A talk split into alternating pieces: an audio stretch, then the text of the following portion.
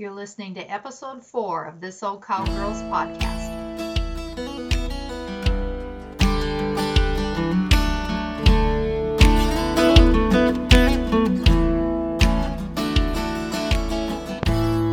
Hello and welcome back.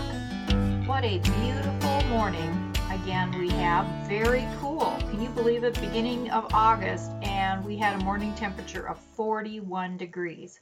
That's just crazy. It's still supposed to be really hot in August. It's been kind of a weird summer for temperatures, but very, the last three days have been very, very cool. Um, actually, very nice for working outside. As far as in the fields, the corn is just fabulously tall. The soybeans are filling out and they look really good. And three days ago, we started cutting wheat. So it's getting to be that time of year. But today, I want to talk to you about what legacy is and that it's probably not what you think. We think legacy, we could think of it in terms of like something tangible, like the legacy from your dad or your parents was a farm or it was money or it was investments. It's something like that, that it's something tangible. You can also think of it as something that's kind of intangible, like you get your DNA, your ancestry done, but it's a very flat, like it's drawn out almost like on a chart, a wireframe, and it's very flat. You read it and you can follow the little family tree and the branches back and you can note see names and dates of birth and you know a little bit but you know it's pretty flat what i want to talk about today is the legacy that is full and rich and why when we talk about this you'll understand why it matters so much because it's what gives the life and character to our past. It's what, uh, what I want to say? It breathes life into it. So, one of the things um, for why legacy matters is that it honors. It honors those that have been before us. It gives um, value to what they have done. It's not that they just lived their life, did their thing, passed away at whatever age, and they're nothing more than just like when you look at their headstone, it's nothing more than their name, date of birth, when they died, and you might know what they died from. That that doesn't tell you a lot. This honors who they were as a person. It honors who they were in their choice of profession. It honors their character. It honors their their personality. It honors the the hard work, their you know, physically what they did for a living, you know, and it, it doesn't even have to be farming, of course. It could have been anything they, you know, but it honors what what they have done and it gives it some value. I mean, it's no different than us today. I mean, we don't want to be just kind of invisible people that nobody notices. They don't give any notice to something you've done and or you do something great that you think is great and it's just like, oh, well, that's nice you know, carry on. You know, none of us want to have that with our life. And so when we can reach back into the past and we can begin to pull these stories out and attach them to these people and to this property, which is why I think the farms and, and ranches, because they are changing and evolving, and so many of them are just flat out disappearing, when you can attach this color and this character um, and this personality to it, you know, it keeps it alive. It, you know, even if that farm were to totally vanish, it's not really gone. So it honors those that have gone um, ahead of us, and I think that's really important. Another thing that legacy stories give us is it gives us perspective. Again, you can't tell a lot by just some flat piece of paper with a couple of dates and names and who married who and their kids. It doesn't give you a lot of perspective. When you get these legacy stories, it explains things and it it gives context. Like you might know a little bit of the like let's just say you were it was some family member and they lost a farm. They farmed and they lost it. Well, that doesn't really tell you very much, does it? So what went into their life?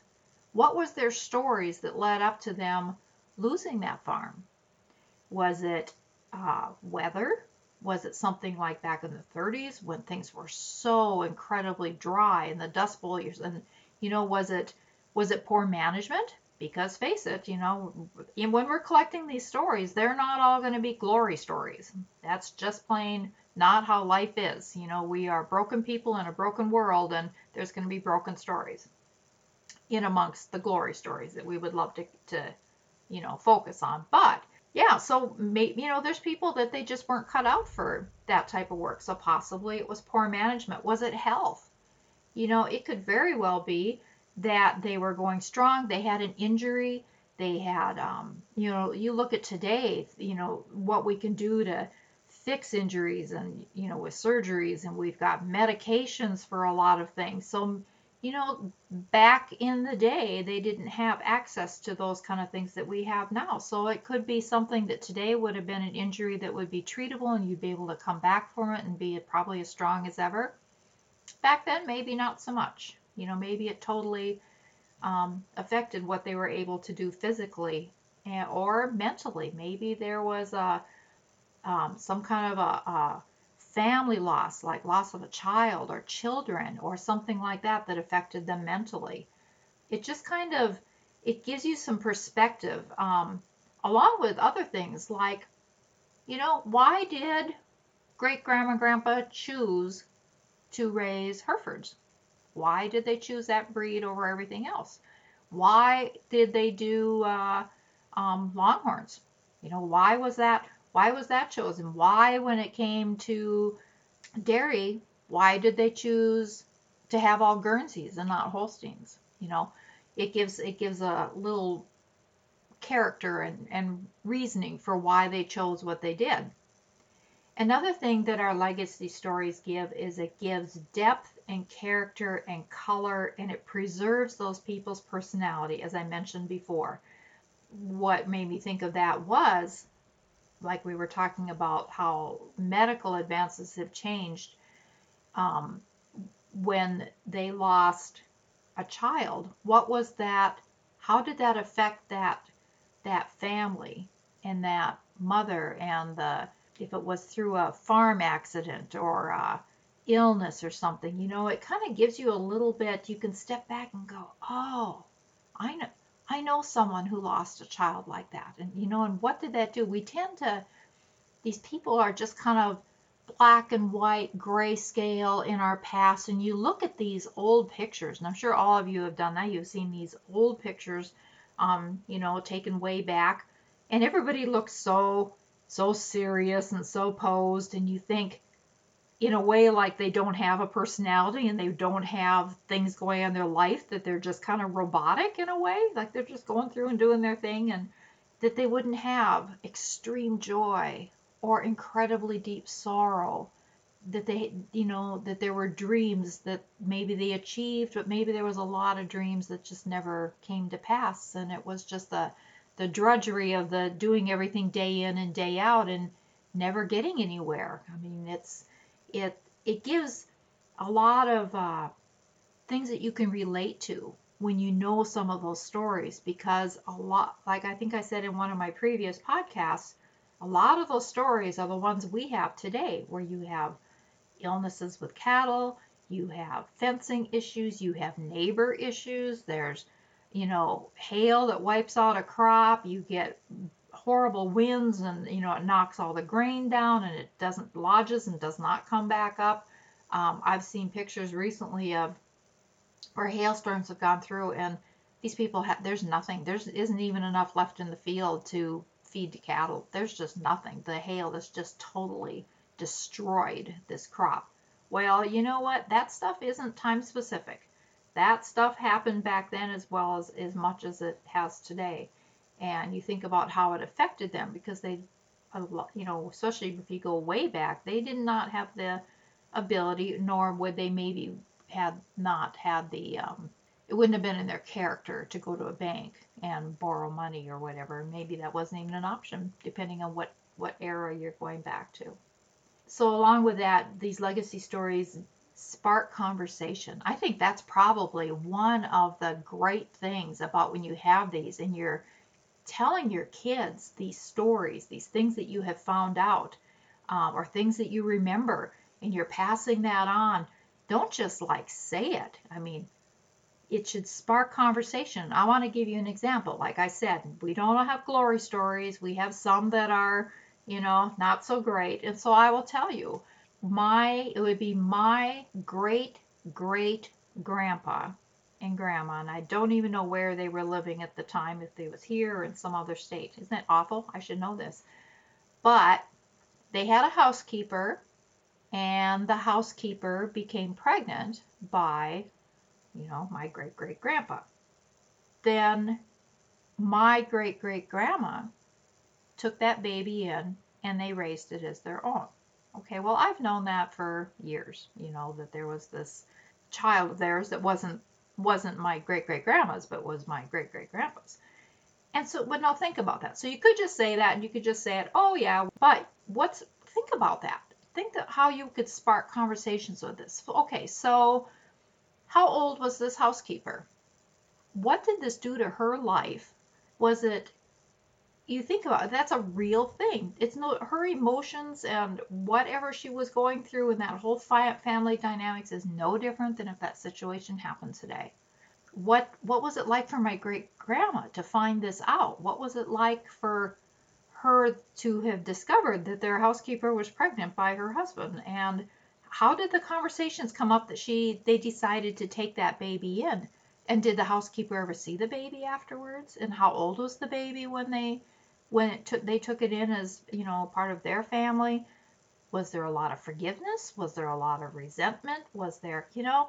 So that's an example of a story that happened that sparks conversation because that stuff happened back then no different than today. Another thing that it does is it deepens our roots especially the stories of strength and endurance when you have stories of how when things were tough, but they hung on and they did whatever it took to get through. One story um, I could add in here is that my dad was the oldest. There were um, seven kids, but he was the firstborn. He, when he was born, one, his left leg was smaller than his right leg, and his left foot was a little deformed in that it only had three toes instead of five. And so, first of all, when you talk about the stories, like you wonder, oh my gosh, what went through my grandma's mind when she was when she saw him for the first time and and saw that his you know his legs weren't weren't weren't equal. He wasn't the the ten fingers and toes. So anyway, you wonder what went through my grandma's mind when she when she saw him. But so this affected him his whole life, obviously. And he had to have shoes with one built up. Um, and so I've got a picture. I'm going to put it on the website. If you look up episode four at thisoldcowgirl.com, I'm going to put a picture of his little shoes that he had when he was about two years old. All his life, he had to have one shoe built up. But what to me is incredible is when he was, I think, 10, he went down to Gillette Children's Hospital in Minneapolis and they put steel plates into the bone of his right leg to slow up the growth a little bit of that leg so that his left leg could catch up. They, you know, help even things out a little bit. I don't know if that's a procedure, how they would handle that today, but that's what they did back then. And um, that would have been in the 40s. So my dad obviously could never be in the military. And he also could never play any sports in high school. And it affected his hips and his back, and his feet always hurt. And but he he never stopped. He never stopped. It's like, and so to me, that's a character and an integrity um, that I will always remember. Is that no matter how sore he was or how much he was hurting, he still kept going, and because that was part of who he was. So I think that that changes us inside. It's like, wow, I wonder how I would have, how that, how, how would I have acted? Would I have had the strength to keep doing what those people did? especially when you think back that we, they didn't have a lot of the conveniences we have now. And that kind of goes without saying. But, you know, when they had really tough years, when they had, when things were tough financially, emotionally, physically, with within their families or within with the land, with their cattle, with the crops, you know, when things are so out of control, like you have no control over how the weather acts. You have no control over um, when your animals get sick. I remember one year we had two different strains of pneumonia go through our herd. It was devastating, absolutely devastating for my dad to go in the barn and there would be another cow that had died. Horrible. But you keep going. You know, they keep going. And you think, huh? You think, oh gosh, maybe if I would, maybe I just would have thrown up my hands and said, enough, this isn't for me. This isn't for me. And I'm sure a lot of, I'm sure a lot did. But it, it changes who we are because guess what? That, those genetics pass down through us. We have that in us to be just as strong as those people were. And it was a lot harder for them than it was for us. That Farming was way more time consuming. Housework and making meals to bring out to the field d- during the um, field season and, and uh, feeding all the, the when it was threshing time or like for us we always would go together with a couple of neighbors to do um, when it came time to fill silo and so then whoever's house they were at of course that my mom or one of the other gals whose ever farm it was at would be responsible for feeding all the men and how back then how much longer did it take to make bread for that many people, to have to cook for that many, bake, you know, it's just it was just different. But we can do it, you know, because we know that how they did it in the past. And finally, I think it gives us pride. It gives us incredible pride to know that this is that our life isn't just about us here and now. It isn't all about us. It's not all about our little little social little family circle that we have going. We are about so much more than that. So when you can reach back into these stories, it's like they are reaching out to us. And I think that's the most incredible part is that when you know those stories, you just feel it. It's like, oh, wow. And because we are emotional beings and we are relational beings, that stuff connects. And when you're telling those stories with your kids, it's part of creating in them another whole aspect to their character that isn't just about their personality. It's another whole part of them and oh, yeah, that makes sense. Maybe maybe I'm like that, you know? I could I could do that. Maybe that's why I have such a desire to do such and such is because so and so in my past was, yeah, I'm like them. It gives you great pride. And we should have great pride. We should be so thankful for those that have gone before us, whether it's a generational farm or you bought going in and buying a farm that somebody else had, or you're going in and you're buying land and starting from scratch. You are clearing trees and mowing, got a bush hog out there and you're clearing brush and pounding in posts and you are starting from scratch. There should be incredible pride that we are doing what our ancestors, our family did in the past, and also what all our early Americans and people that were in were in other countries, like around here, it's primarily Scandinavian, so you know, but in other countries, the agriculture roots that they have because agriculture is strong. Agriculture is not for weak people. You aren't going to last very long if you are not a person of strong character and a strong work ethic. Farmers have an incredibly strong work ethic. Uh, ideals and character and dreams. It's just not going to happen. You aren't going to last very long. And I say that I am not talking about farmers that are forced to quit due to financial hardship, um, horrible economic times, health, illness.